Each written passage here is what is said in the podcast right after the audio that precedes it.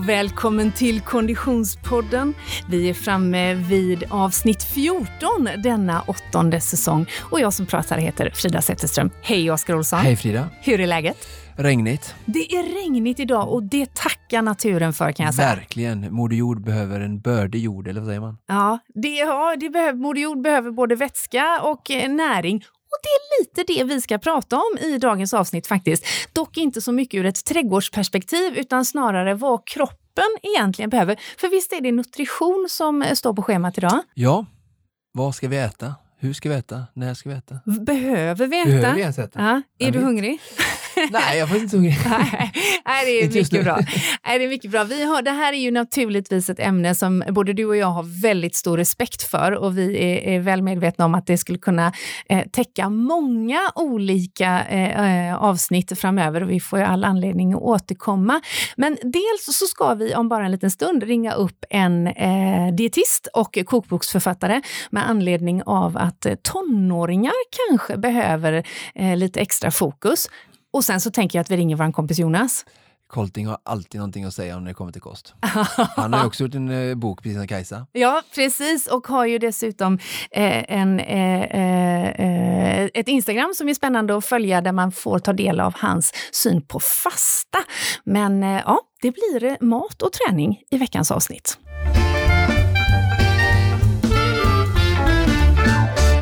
Och vi är så himla glada att vi har med oss Asics under den här säsongen. Oskar, du eh, sprang i dina favoritdojor i helgen, eller hur? Jajamän, Asics Fuji Light eh, med, eh, ja, det är ju eh, den nya eh, trailskon, en av de nya trailskorna de har.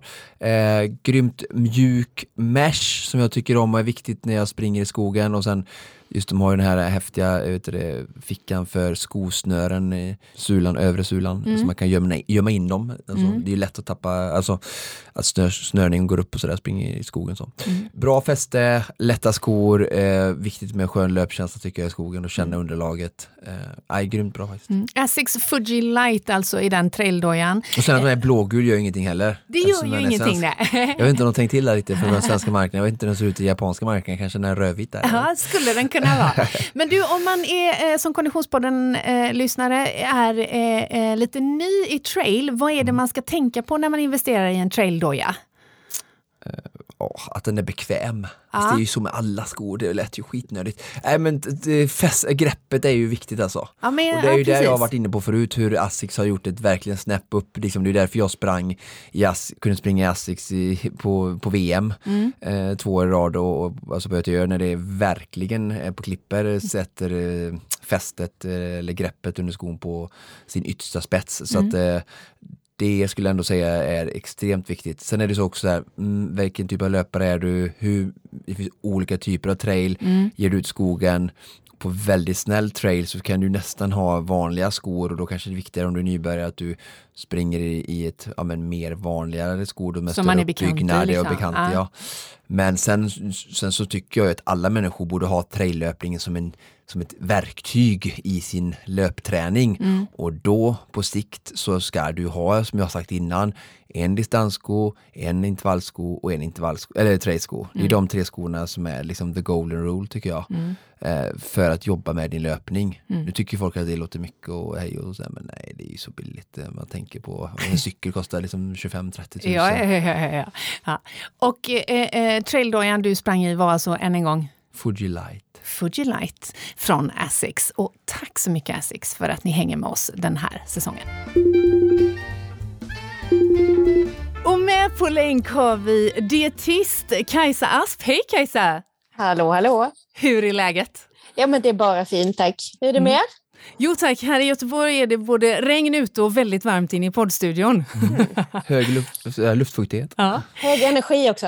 Hög energi, det är det ständigt i Konditionspodden. Du, Kajsa, i veckans avsnitt så pratar vi om eh, eh, mat och träning i många olika vinklar. Och du har ju faktiskt skrivit en bok, eh, du har skrivit flera böcker i din roll som dietist, men en bok som jag är lite speciellt nyfiken på i det här sammanhanget, och det handlar om mat, träning och tonåringar. Kan du inte berätta? Mm. Ja, nej, men jag, hade ju en, eller jag har två söner som numera är 18 och 16 år och då var det den äldsta var väl 14-15 när vi pratade väldigt mycket om det här med vad behöver man egentligen äta när man tränar mycket och sådär. Och det var ju ständigt diskussioner om att man ville ha proteinpulver hemköpt och man ville liksom, ja, gå genvägar och så. Mm. Och eh, jag har ju också föreläst väldigt mycket inom idrottsrörelsen och så, bland annat på uppdrag av SISU eh, och för olika idrottslag inom olika sporter och så. Eh, och det är ju en ständig diskussion där hemma i köken har jag förstått, att man vill liksom ha lite mer som förälder, ha lite mer på fötterna kring varför vill jag inte, liksom varför tycker jag inte att mitt barn ska äta specialprodukter mm. i samband med träningen. Så att och sam, samtidigt så var det också så att min äldste son behövde en praoplats faktiskt. Mm. Så vi hade pratat om den här boken eh, ett par år tror jag. Och eh, sen när han då behövde göra sin prao så bjöd jag hem eh, fotografen som heter Katja Rangstam hem till mitt kök och vi lagade en massa mat och eh, gjorde bra mellanmål, bra enkla maträtter som ungdomar kan laga själva hemma. Mm. Och skrev då också en faktadel till det. Så att mm. Man får lite kött på benen, både vad det gäller liksom, det praktiska och det teoretiska. Liksom. Och på vilket Så. sätt skulle du säga att eh, nutrition och mat för just tränande tonåringar skiljer sig? Ifrån... Jag, eh, mm, jag, jag, brukar liksom alltid lägga fram fakta på bordet. Liksom. Man behöver fett, protein, kolhydrater, man behöver tillräckligt mycket energi i förhållande till hur mycket man gör av med. Och så mm. behöver man vitaminer, mineraler, fibrer, och fullkorn och så vidare. Eh, och sen är det ju helt liksom beroende på hur mycket man rör på sig, liksom mängden så att säga. Mm. Men jag tycker grunden, eh, liksom med kunskap kring vad man behöver få i sig, den behöver man liksom ha en slags bas i först. Och sen så får man ju då se hur mycket tränar du och hur mycket rör du dig i övrigt. Var är du i din pubertet just nu? För att det är ju så, vi tar liksom lite sån här tillväxtskutt. Tjejerna tar det ofta lite tidigare och lite mer i en utsträckt variant över några år, medan vissa killar kan ju växa liksom hejdlöst mycket över en sommar mm. bara. Eh, så att det, det, är ganska individuellt vad man behöver och man behöver liksom, eh, anpassa det lite, känna efter lite och eh, se var man är någonstans. Mm. Mm. Upplever du att det finns ett intresse bland eh, tränande tonåringar för, för det här? Ja, det tycker jag. Alltså, de är intresserade ofta, men de är ofta också intresserade av genvägar. Mm. Eh, för att eh, vi har ju, det är ju lite var en till mans har ju lite dåligt tålamod och mm. eh, det här är ju saker som tar tid. Så att, eh, och det, det, har ju också lite, liksom den industrin också snappat upp och eh, man eh, marknadsför mycket av de här produkterna med liksom just det argumentet att nu får du lite snabbare resultat. Just det. kan ta en lite snabbare väg. Mm. Men eh, ska man ha i sig det man behöver och liksom göra detta lite hållbart så är det ju vanlig mat som gäller. Liksom. Mm. Men viktigt då att man äter tillräckligt mycket och faktiskt förstår hur mycket energi man måste ha i sig. Mm. Mm. Och det går liksom inte att, att hoppa över. Liksom. Det, det, här ska ju då ske kanske fem, sex gånger om dagen, mm. varje dag i veckan. Det går ju liksom inte att sova halva lördagen, då har du missat två, tre måltider. Så det är svårt att äta ikapp det. Liksom. Mm, mm. och missat brukar... rätt mycket rörelse också om man har sovit halva mm, lördagen, tänker ja, jag spontant. Ja, precis, ja. så är det. Uh, och liksom, tanken med boken var ju att skriva den för personer som har lite svårt att få i sig tillräckligt mycket. Mm. Men eh, sen när min eh, äldste då läste den här så tyckte han, men, men alla tränar ju inte lika mycket som jag. Eh, vi kanske skulle skriva lite om att det faktiskt är bra att bara gå ut och promenera om man inte brukar röra på sig och, och lite sådär vad, vad det gör med hjärnan och, och den mentala hälsan och sådana saker. Så att mm. Eh, vi fick in liksom de, de bitarna också, tycker jag, mm. på ett bra sätt. Mm. mm. Nu är det en bit kvar tills Filip fyller tonåring, Oskar. Ja, precis. okay. uh, jag, du har en liten jag, hemma, eller? Jajamän. Uh, mm. Jag försöker ja. laga mycket mat tillsammans med honom för att uh, försöka skapa en matkultur. Mm. Det är riktigt bra. Verkligen. Och den, en, jag hade faktiskt en liten så här egoistisk tanke med det hela också. För att det var ju ganska ofta så att båda killarna skulle iväg till träning och eh, de liksom gick och väntade på att jag skulle komma hem från jobbet och så hade man kanske liksom 20 minuter på sig för att liksom snabbt slänga fram någonting på middagsbordet och så åt de innan de skulle gå till träningen. Ehm, men det var ju en sån jäkla stress för mig. Liksom. Mm. Så att recepten är ju då tänkta för att det här ska de klara av att laga hemma själva under eftermiddagen. För de hade ju oceaner av tid där. De mm. kanske var lediga mellan åtminstone ja, typ halv tre till fem eller något. Mm. Det var hur mycket tid som helst som de kunde lägga på att eh, fixa bra mat istället för att eh, bara sätta sig framför något spel eller något. Mm. Vilken att, är mm. favoriträtten ur boken? Oh. Uh, eller vem, ja. vilken går bäst där hemma? Mm, alltså just nu är det ju gröten som går varm. Alltså. Ja. Jag brukar göra havregrynsgröt. Då gör jag till oss tre på mm. morgonen. Mm. Det är sju deciliter havregryn, sju deciliter vatten och så mjölk. Eh, alltså, det, det har liksom bytt, ut, bytt ut hälften av vattnet mot mjölk för att få mm. det lite mera protein. Och sen när den är klar så eh, rör jag i två ägg också. Mm. Och eh, så tar jag väl typ en sjundedel av den här laddningen och de andra, eh, det var liksom gröt kokt på tre deciliter gryn till mm. vardera av de två. Eh, och sen så skivar de på en banan och lägger på en rejäl kladd med jordnötssmör på sin också. Mm. Så att då har man ju liksom en frukost som man står sig på länge och det är ju mm. rejält mycket protein och energi i den portionen helt enkelt. Bra. Mycket bra. Och boken heter alltså? Den heter Klara, färdiga, kör. Allt en tonåring behöver veta om mat och träning för att må bra och nå sina mål. Underbart! Grymt! Ja. ja. Tack så hemskt mycket Kajsa Asp, eh, dietist och eh, författare alltså. Tack så mycket! Ja, det är, ändå, eh, det är ändå spännande att höra henne berätta hur eh, övertalandet till tonåringarna kräver liksom lite grann. Ja, men det är ju väldigt kul tycker jag och bra att någon som har eh, så nära kontakt med verkligheten och vet, alltså har tonåringar hemma och kan skriva en bok för att hjälpa många familjer och mm. tonåringar. Mm. Och det här är en sån här bok som jag skulle vara in på alla Sveriges högstadie. Mm. Alltså mm. så basalt. Det, prioriteras bort alldeles för mycket anser jag, där vi ger våra barn och ungdomar alldeles för lite kunskap och fokus när det gäller att lära sig att skapa en god kosthållning för resten av livet och en bra förhållning, förhållningssätt till mat. Så att, eh, det var jättekul om eh, Klara Färdiga Gå kunde få komma ut till Sveriges alla skolor. Ja, men jag vet att eh, Kajsa gör en del föreläsningar ute i skolorna och också en hel del idrottsklubbar faktiskt eh, kommer till olika lag och, och föreläser och liknande. Ja, mycket, mycket spännande. Eh, den där gröten kanske man skulle testa.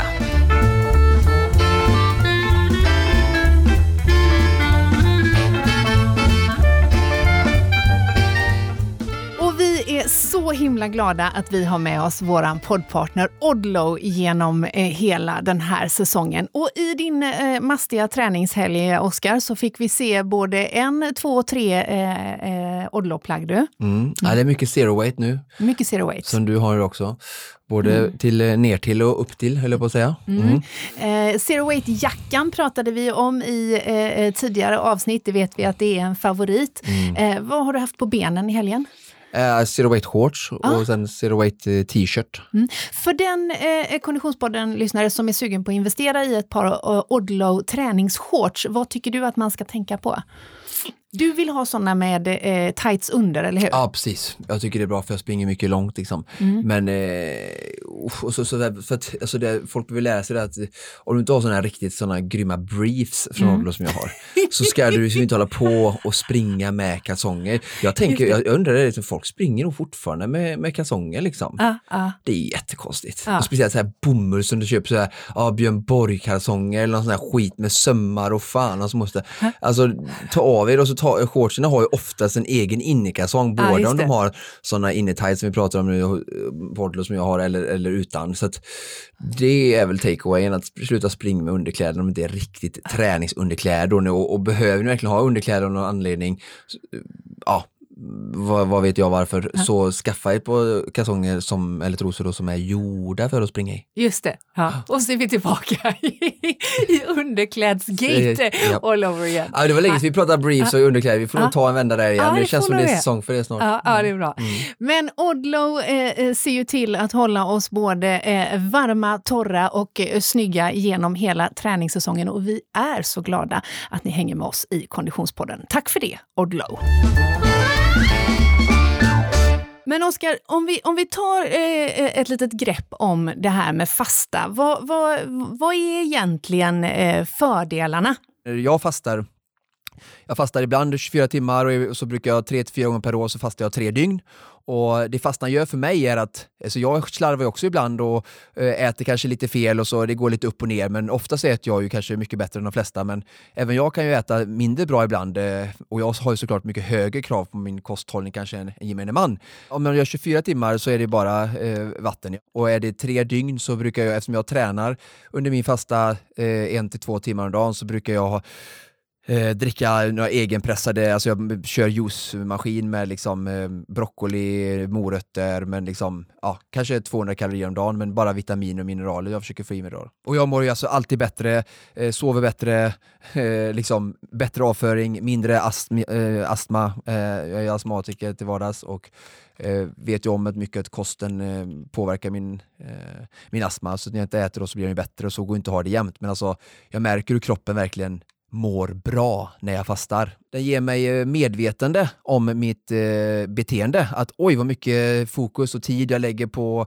eh, på att tänka på mat eller på, på fel mat eller hur reflekterar jag? Och, eh, jag får också en relation till att eh, det finns människor som, eh, fast, alltså, som svälter och dör runt i världen så att liksom, jag tar inte mat för givet på samma sätt. Alltså det här sättet att hela tiden ta för givet att vi alltid har den här accessen till mat överallt så som nu tillgången är uppbyggd med bensinmackar, snabb, eh, vet du, kiosker och, och allt möjligt den det gör, skapar medvetande och jag tänker, tänk om fastan kunde skapa, hjälpa till i alla fall lite grann att skapa det medvetandet. Eh, sen vill inte jag att fastan ska, ska vara eh, långdragen eller så ofta att den på något sätt skulle påverka oss negativt eller nedbrytande fas, utan det är ju korta perioder där du liksom kan få positiva effekter och att den är kontrollerad som så mycket annat i, i, i världen jag som, eh, som sagt, precis som Kajsa, har jobbat mycket och eh, utbildat mig att försöka lära och vad en god kosthållning är och hur kroppen fungerar. Så, så det är en sak i teorin och sen är det en annan sak i praktiken. Och Det är där jag kanske tycker att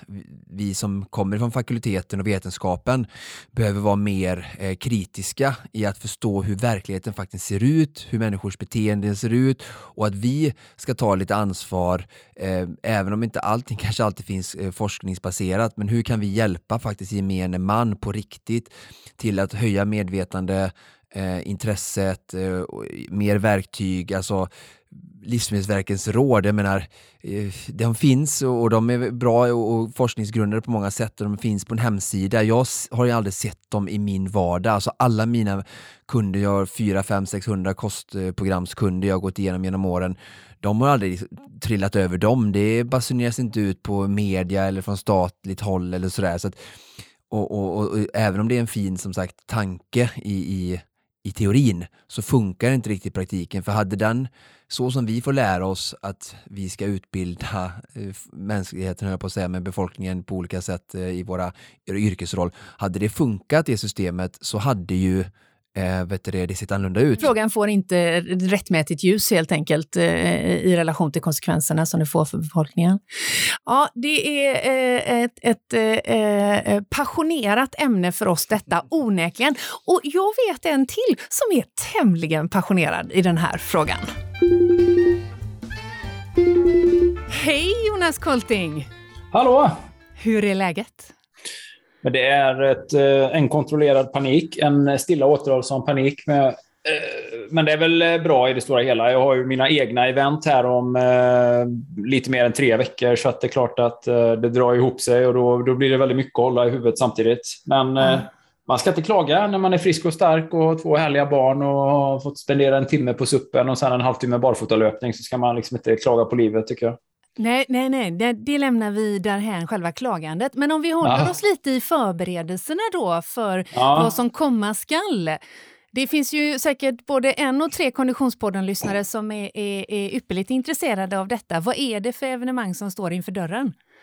Det är Borås Triathlon den 3 och 4 juni och eh, Borås Triathlon vad ska man säga, inbegriper också ett lopp för barn som heter Kids Wild Run som är ett, eh, ett Eh, så här, prestationsbefriat löpevent där barnen får springa ner i vattnet och bli lite smutsiga. Alla barn har start nummer ett. Så att det är sådär från, från egentligen Rufus ålder, min son, lite, ja, tre år uppåt. Man springer med sina föräldrar i handen till eh, lite äldre barn, 10, 12, 13 år, som får springa kanske en kilometer och så får alla lite godis och en t-shirt och sådär, eh, medalj.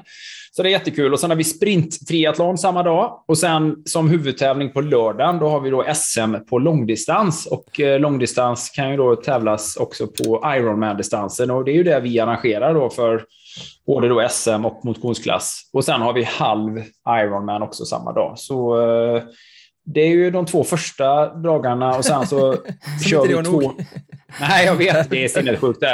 man kan inte tro det själv när man ska Eh, när man tittar på det så utifrån. Men vi, har, vi arrangerar faktiskt sex stycken lopp på eh, sex stycken lopp på eh, två och en halv dag. Och det är egentligen bara halv och hel Ironman då, som har samma bana.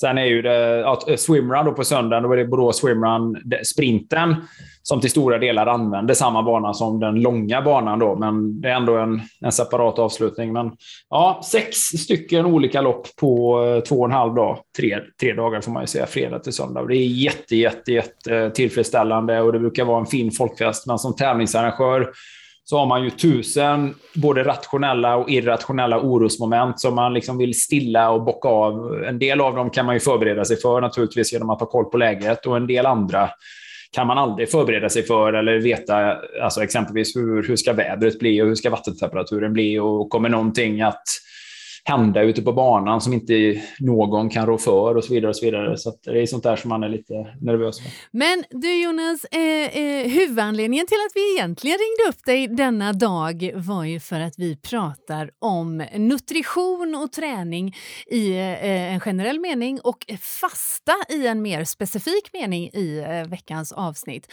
Och visst är det så Jonas Kolting att fasta är någonting som du eh, eh, sysslar med eh, rätt regelbundet?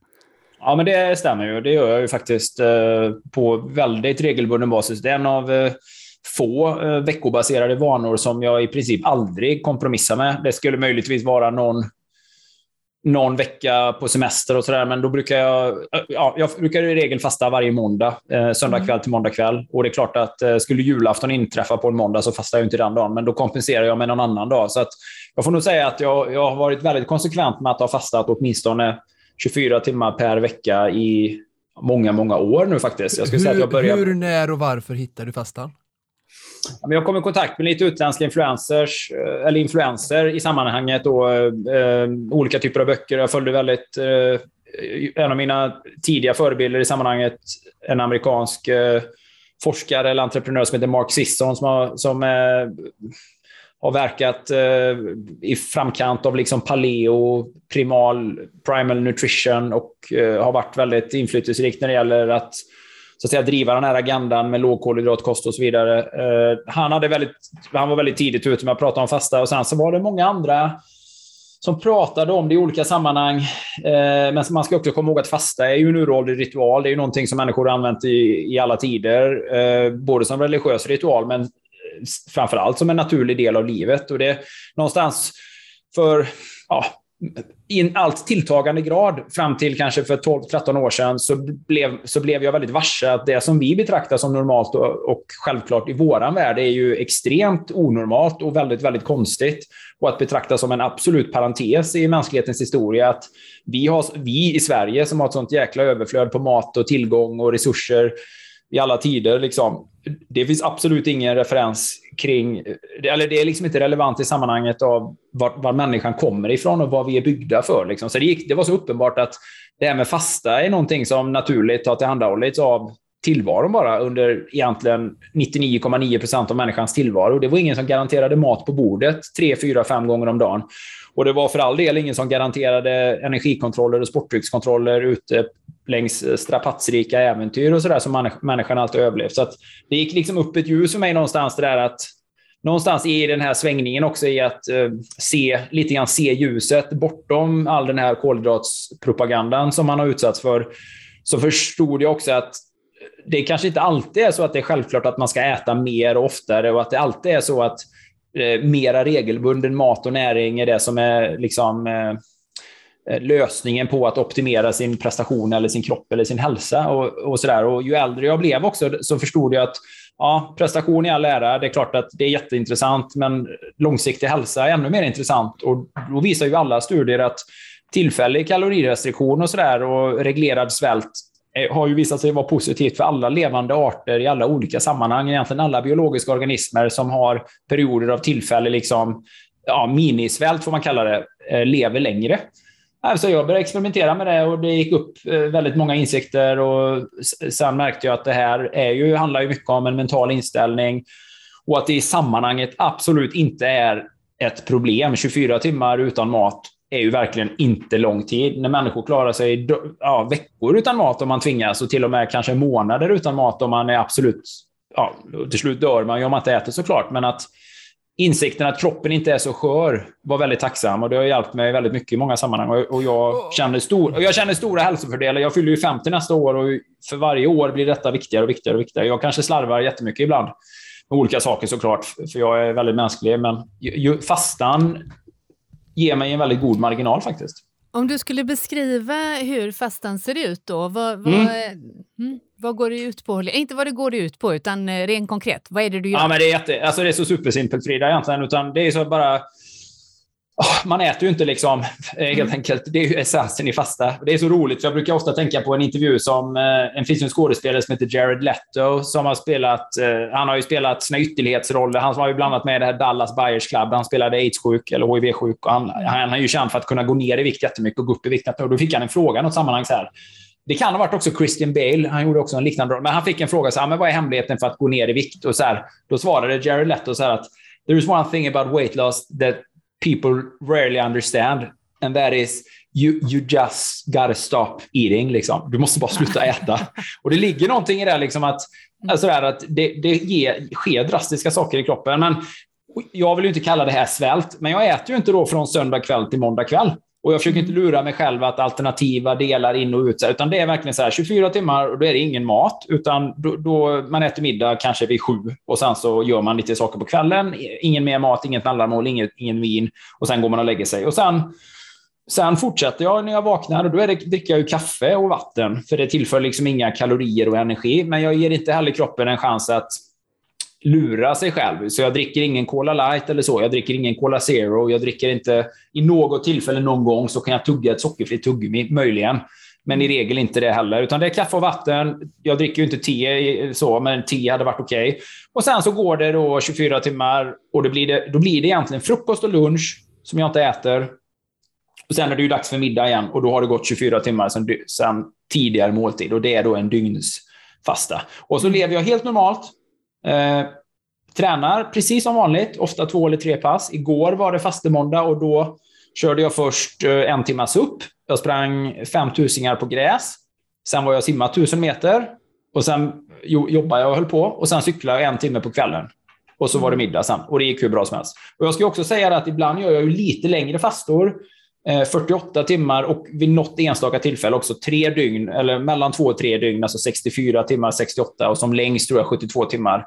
Och min gräns är att, jag ska säga, eller regeln för mig är så här, så länge jag kan leva normalt så är fastan positiv. Så mm. länge, när det börjar påverka mig, att jag inte kan göra det jag annars gör som är viktigt för mig, alltså träna, fungera i min familj. Eh, kognitiv förmåga, alltså tänka och vara skarp i huvudet och kunna hänga med. Jobba. Mm. Alltså, ja, det får inte gå till gränsen när man blir förvirrad och desorienterad, svag, otrevlig. Då har det liksom gått över gränsen och blivit något annat. Och det, mm. Sånt ägnar jag mig inte åt. Mm. Så att där, är, där är liksom essensen. Jag äter en helt vanlig middag på söndagen, vad som nu är vanlig middag i mitt sammanhang. Men jag gör mm. liksom inget speciellt. Jag laddar liksom inte upp för fastan. Och sen äter jag en helt vanlig middag efteråt. Uh, och Det går alltid hur bra som helst. Jag är aldrig hungrig. Uh, jag är aldrig konstig Drick, eller svag.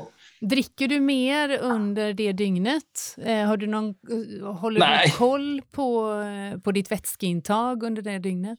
Nej, det kan jag inte säga. Jag dricker när jag är törstig bara. Det kanske blir någon extra kaffe sådär, men jag menar, jag dricker rätt mycket kaffe annars också, så att det är ingen större skillnad. Och, så jag, nej, men jag, jag följer mina naturliga instinkter, eh, så att jag kanske är lite törstigare när jag är törstig, men, ja, men jag, jag, jag uppfyller de behoven jag har helt enkelt. Då. Mm. Så jag dricker mig otörstig när jag är törstig och inget mer än så. Och tar, tar en kaffe med jämna mellanrum, vilket jag annars gör också.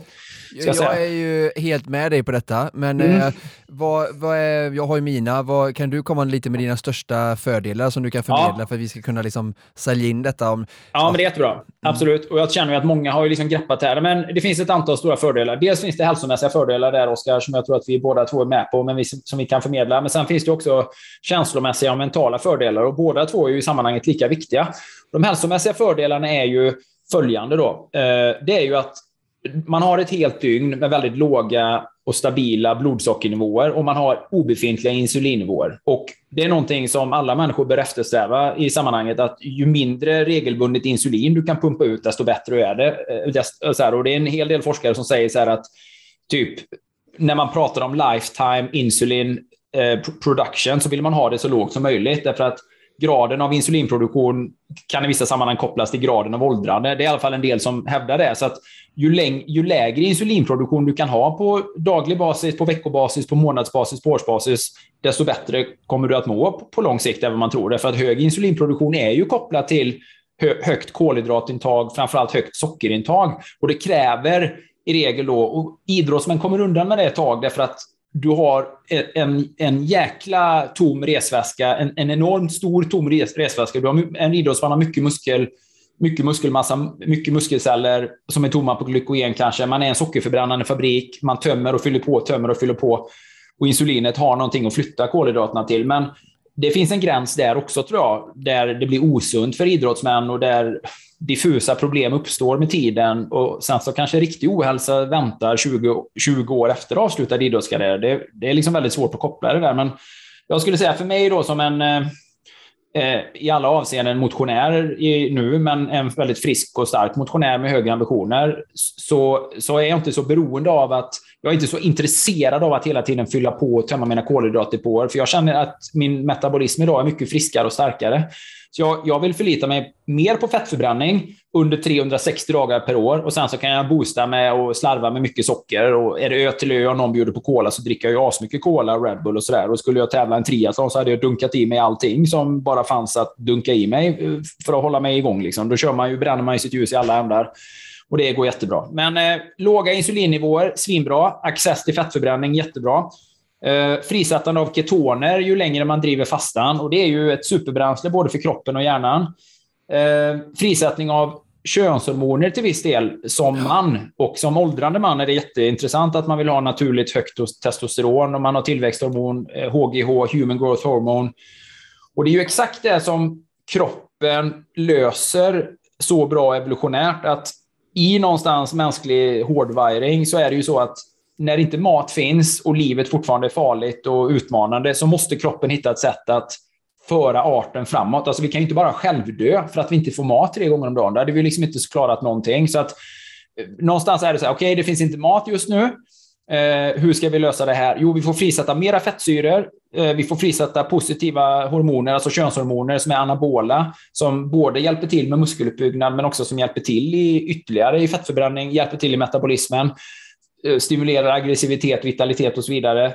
Och så får vi liksom klara oss utan den tillgängliga formen av energi som kanske annars är mer rimlig och lämplig. Alltså sånt, eller att man får äta egentligen överhuvudtaget. Eh, så att det är de bitarna. Och sen om man gör fasta lite längre, alltså kanske två dagar eller mer, så pratar man ju om det här som heter autofagi eller apoptos. Och det är ju att kroppen rensar sig själv ifrån trasiga muskel, eller tras, ursäkta, trasiga Eh, celler eller dåligt fungerande celler. Kroppen börjar prioritera i sina funktioner när man märker att det kanske går mer än ett dygn. och, så där, och Då börjar kroppen prioritera sånt som fungerar perfekt och nedprioritera sånt som är lite skadat. Exempelvis ja, celler som har lite skador på sin DNA-kedja. Det kan vara begynnande mutationer, det kanske till och med är begynnande cancerceller, även om jag ska låta det vara osagt. Men en del spekulerar ju i det att just autofagi och apoptos är väldigt viktigt för att vi ska hålla oss naturligt. Det är kroppens naturliga bekämpning av begynnande sjukdomar, eh, tumörbildningar eller av, cellulära avarter. Kroppen ska reglera ut dem, eh, sortera bort dem och så att säga döda dem och gå ut med skräpet. Men när vi äter hela tiden i den moderna världen, när vi stoppar i oss mellanmål, mellanmål, mellanmål och det är socker och socker och mackor och bröd och bullar och fika och det ena med det andra, så får kroppen aldrig en chans att liksom sortera ut det. Därför att eh, det finns inget incitament till det helt enkelt. Vi går aldrig ner i det här återhämtnings eller i det här städläget. Kroppen får aldrig... Kropp, det, det behovet finns inte för det är ett överflöd av energi hela tiden. Och jag skulle kunna... Det, ja. Ja, jag ska bara avsluta där. jag ska bara avsluta att mycket mm. av det här också gör ju att man fungerar väldigt bra fysiskt, fysiologiskt. Jag gör det. Jag fungerar jätte, jättebra och jag har jättestarka träningsdagar. Eh, så, och, jag funkar, och det funkar också väldigt bra eh, kognitivt och mentalt. Alltså att hjärnan funkar eh, väldigt bra. Och man forskar ju mycket nu på ketoner och, och, och visar att Eh, man kan säga att ketoner är motsatsen till eh, paltkoma eller det här att man äter godis och blir liksom trött och hängig i huvudet, utan ketoner är superbränslet som gör att vi är kognitivt väldigt friska, medan kanske då socker, typiskt då socker, är väldigt associerat med inflammation, lite tröghet, trötthet, försämring. Eh, ja, det, finns, det finns en hel del intressanta spekulationer kring exempelvis då neurodegenerativa sjukdomar som Alzheimer och så vidare. Att ju mera man kan vara i ketos, desto mer positivt är det att bromsa ett förlopp och så vidare. Då man ser. Sådär. Så det forskas mycket på det och man pratar mycket om det i olika sammanhang. NASA och amerikanska försvaret och sådär. Det är ju lite okonventionellt och lite impopulärt i många sammanhang därför att det bryter ett... Det går emot ett narrativ som så att säga har accepterats av alla som jobbar med livsmedel och sådär. Jag ska flika in med det bara, eh, eh, det du pratade om inledningsvis där, som, mm. alltså den oxidativa stressen och stressen överlag på kroppen som vi utsätter när det blir väldigt höga insulinslag tycker jag är en viktig del också. För att vi mm. pratar mycket mer och mer om återhämtning överlag, alltså eh, absorbera träning och i samhället för att minska stress, för att vi ser hur stress har liksom massa livsstilsrelaterade sjukdomar, för att vi stressar till jobbet eller vi stressar med träning. och det är ju helt rätt och där har vi kommit ganska långt men vi pratar inte, nu när fastan har börjat komma äntligen lite upp kanske, och, och, men fortfarande kanske kämpa lite motvind till skillnad från de andra delarna som, som för mycket träning, eh, som vi ser i elitidrott eller för mycket stress mm. på, på högpresterande företag, så gäller det ju samma sak för kroppen, alltså att den här typen av små fasteperioder, sen om det är 16-8 eller om det är 24 timmar varje måndag, det har jag ingen större åsikt om, men att ge de här fönstren för metabolismen att få en naturlig återhämtning återhämtning eh, och inte hela tiden 365 dagar året in och ut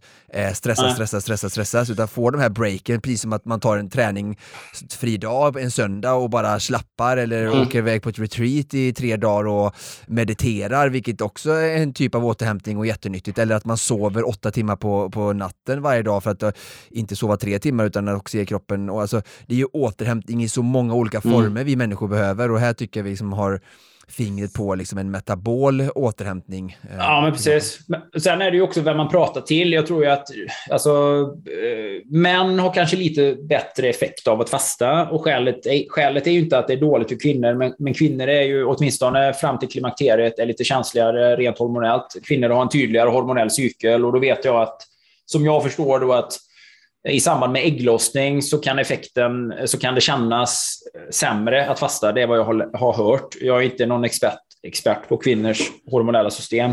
Men är man en medelålders man så skulle jag säga att det finns i princip ingenting som är så en så sund vana att införliva. Det är klart att röker man så är det ju alltid en väldigt god idé att sluta röka. Men om man nu har sina befintliga vanor och man ska implementera en enda förändring så skulle jag säga att 24 timmars fastan är en ofattbart bra Eh, vana att starta. Och skälet är att en av de största eh, hälsoriskerna för, för medelålders män uppåt, det är ju eh, diabetes typ 2, prediabetes, hormonell dysfunktion. Alltså många män får jättemycket problem med oönskad bukfetma, man tappar muskler, man tappar sexualiteten orken, man blir jävligt, man blir jävligt gammal snabbt. Liksom. Det är ett manligt klimakterie som man inte pratar så mycket om. Och eh, hjärt och kärlsjukdomar, vilket i många sammanhang också är kopplat till inflammation. Så jag tycker du var på någonting där, Oskar, jättetydligt. Att, jag menar, vi vet ju hur det känns när man kör en eh, Ironman, eller en triathlon, eller en swimrun eller ÖTÖ. Dels har man ju den fysiska insatsen som liksom bryter ner den, så man har ont, man har ont i kroppen. Men jag skulle vilja säga också att allt det här sockerätandet som man gör under en dag, det bidrar också faktiskt. För jag menar, jag, jag, jag känner ju personligen att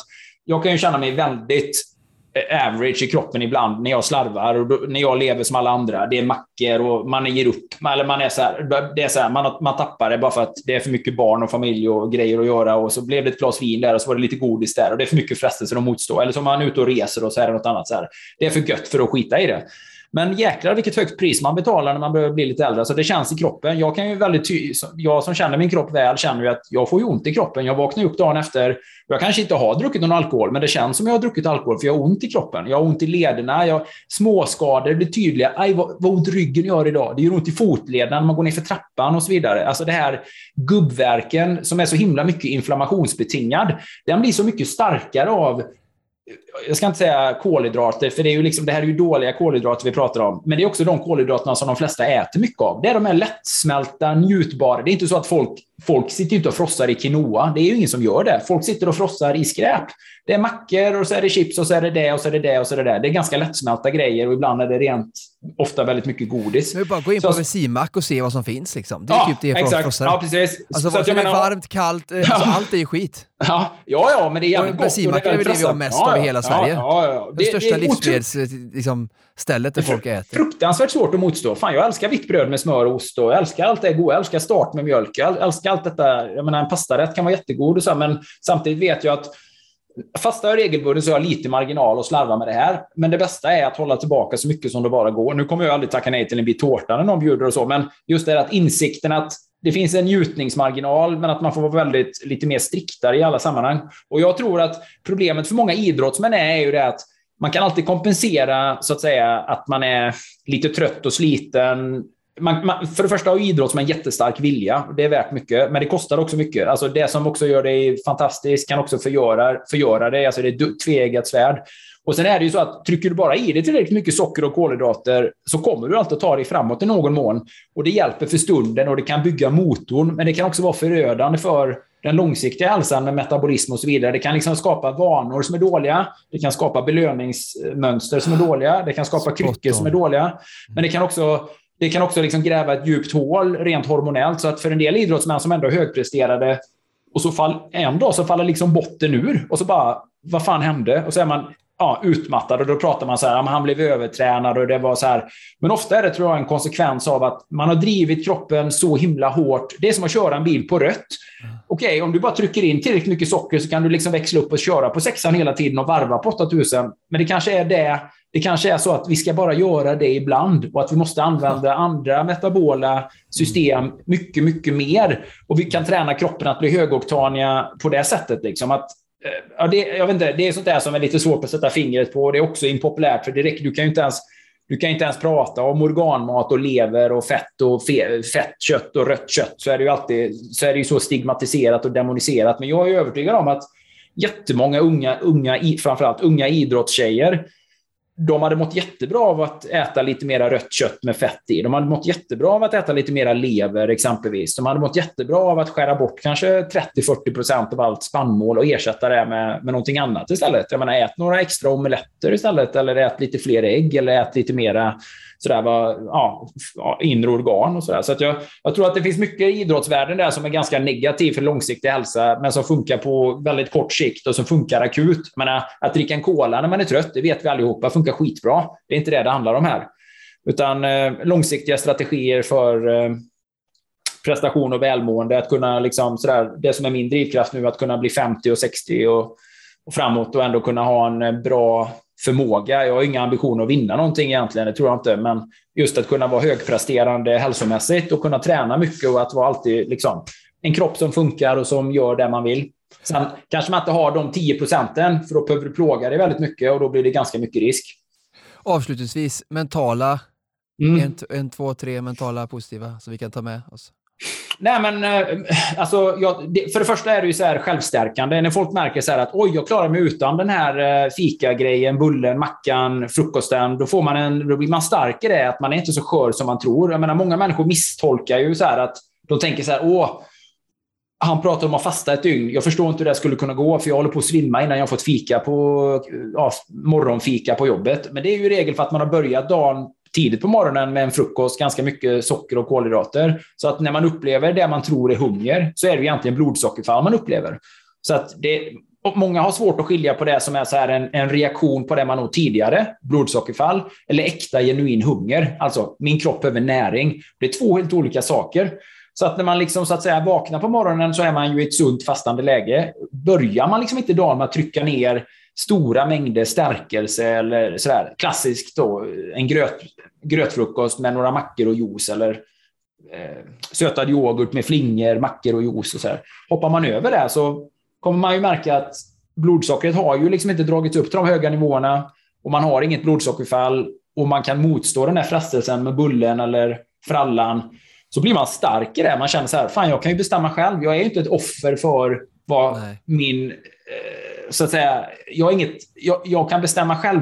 Jag är inte ett lättlätt offer för mina hormoner eller för fallande blodsocker. För så är det ju när vi, när vi, när vi har, när, alla som har tränat mycket har ju fått hammaren och gått in i väggen. Då är det ju bara så här, man kan ju gå in i en affär och bara äta allt man ser. Jag har ju, gått, jag har ju, liksom gått, jag har ju stått naken inne i ett kylskåp. Man har ju ätit med händerna och saker. Liksom. Eh, och det, då, det finns ju ingen, liksom, bara, alla regler och all stolthet faller ju. Man bara, jag ska, bara, jag ska äta allt som finns här. Jag ska äta tills jag inte kan stå längre. Så, men man, och, och för många människor upplever de, många människor upplever det lite grann varje dag i den här blodsockerkarusellen. Så att, eh, ja, men man blir jävligt stärkt i att man inte är så skör. Man blir stärkt i att man märker att det finns faktiskt en positiv uppsida av att inte äta och att eh, tvärtom mot vad man tror så blir man inte trött och hängig. Man blir väldigt effektiv, man blir konstruktiv, man blir, eh, man blir, man blir karaktärsstark till och med, ska jag till och med säga i sammanhanget. Då. Så att det är väl det som man kan, eh, man får en bra relation med sin kropp och den goda relationen kan sedan då användas till att göra bättre val de andra dagarna. Och att man vill komma igång med att träna. Det spiller över in i att man känner så här att, men vänta lite nu är det, det här kändes ju väldigt bra. Kanske är det så att jag ska revidera min vanliga frukost. Kanske är det så att jag två dagar i veckan utöver fastan också ska träna lite grann på morgonen innan jag äter frukost. Eller att jag kanske äter en sen frukost. Eller att jag kanske bara äter, ja, du vet, någonting lätt till frukost och så äter jag första riktiga måltiden som lunch. Så det ger en del positiva konsekvenser tycker jag. Ja, bra Frida. Mm. Där fick vi allting vi behövde. Där fick vi allting vi behövde serverat i, i, yes. i dryckes och avhållsamhetsform. Ja. men, eh, stort tack Jonas, verkligen. Eh, eh, spännande att höra eh, eh, dina reflektioner men också ja. all fakta som du eh, serverar.